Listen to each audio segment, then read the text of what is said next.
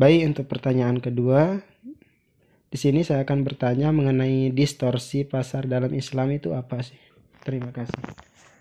Uh, Oke, okay, terima kasih kepada Saudara Haziar Amin.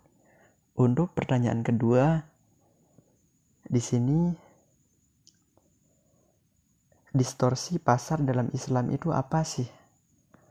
Oke, saya akan menjawab.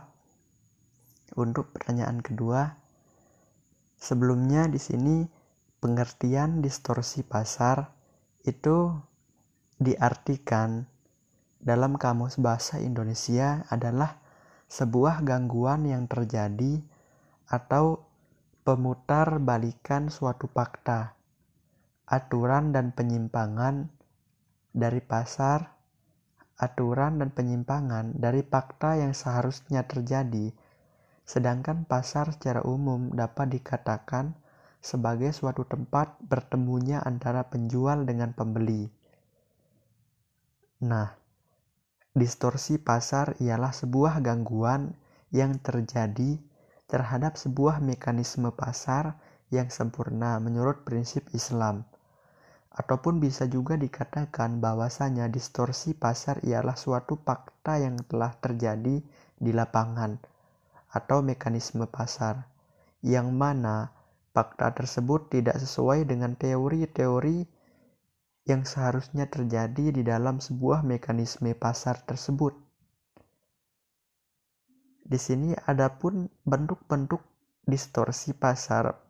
Pada garis besarnya, distorsi pasar dalam ekonomi Islam itu didefinisikan, diidentifikasi dalam tiga bentuk distorsi, yakni sebagai berikut.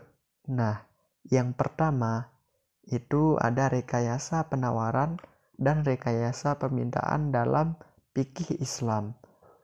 Rekayasa penawaran lebih dikenal sebagai ihtikar, sedangkan rekayasa permintaan itu dikenal sebagai ba ba'i najasi, yaitu sebagai berikut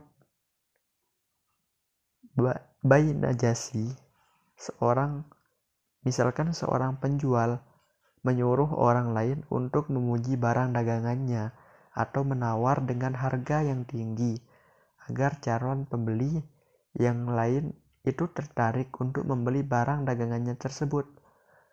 Padahal sedangkan Rasulullah Shallallahu Alaihi Wasallam telah bersabda, Janganlah kamu sekalian melakukan penawaran terhadap barang tanpa bermaksud untuk membeli. Jadi Rasulullah Shallallahu Alaihi Wasallam itu sangat melarang sehingga Rasulullah tersebut menjelaskan bagaimana membeli barang itu seharusnya dengan keikhlasan atau dengan kemauan dan bukan cara memaksa-maksa. Nah, dalam konsep ekonomi Islam adalah penentuan harga dilakukan oleh kekuatan-kekuatan pasar, yaitu kekuatan permintaan dan penawaran.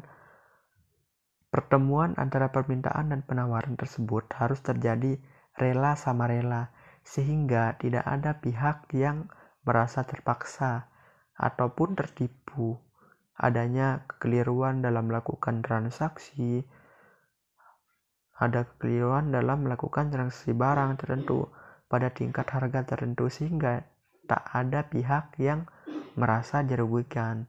Dengan demikian juga Islam menjamin pasar bebas di mana para pembeli dan penjual bersaing lancar.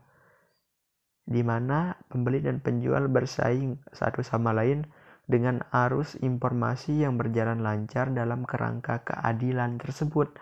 Namun, keadaan pasar yang ideal menurut prinsip Islam tersebut tidaklah sesuai dengan keadaan yang sebenarnya. Tidaklah sesuai dengan keadaan yang sebenarnya sebenarnya di lapangan karena sering kali adanya gangguan yang terjadi terhadap mekanisme pasar ini dan gangguan-gangguan inilah yang disebut dengan distorsi pasar. Oke, mungkin Cuma itu untuk jawaban keduanya. Nanti kalau mau lebih jelas silahkan lihat dalam hadis-hadis tentang larangan-larangan dan Al-Quran. Oke, terima kasih.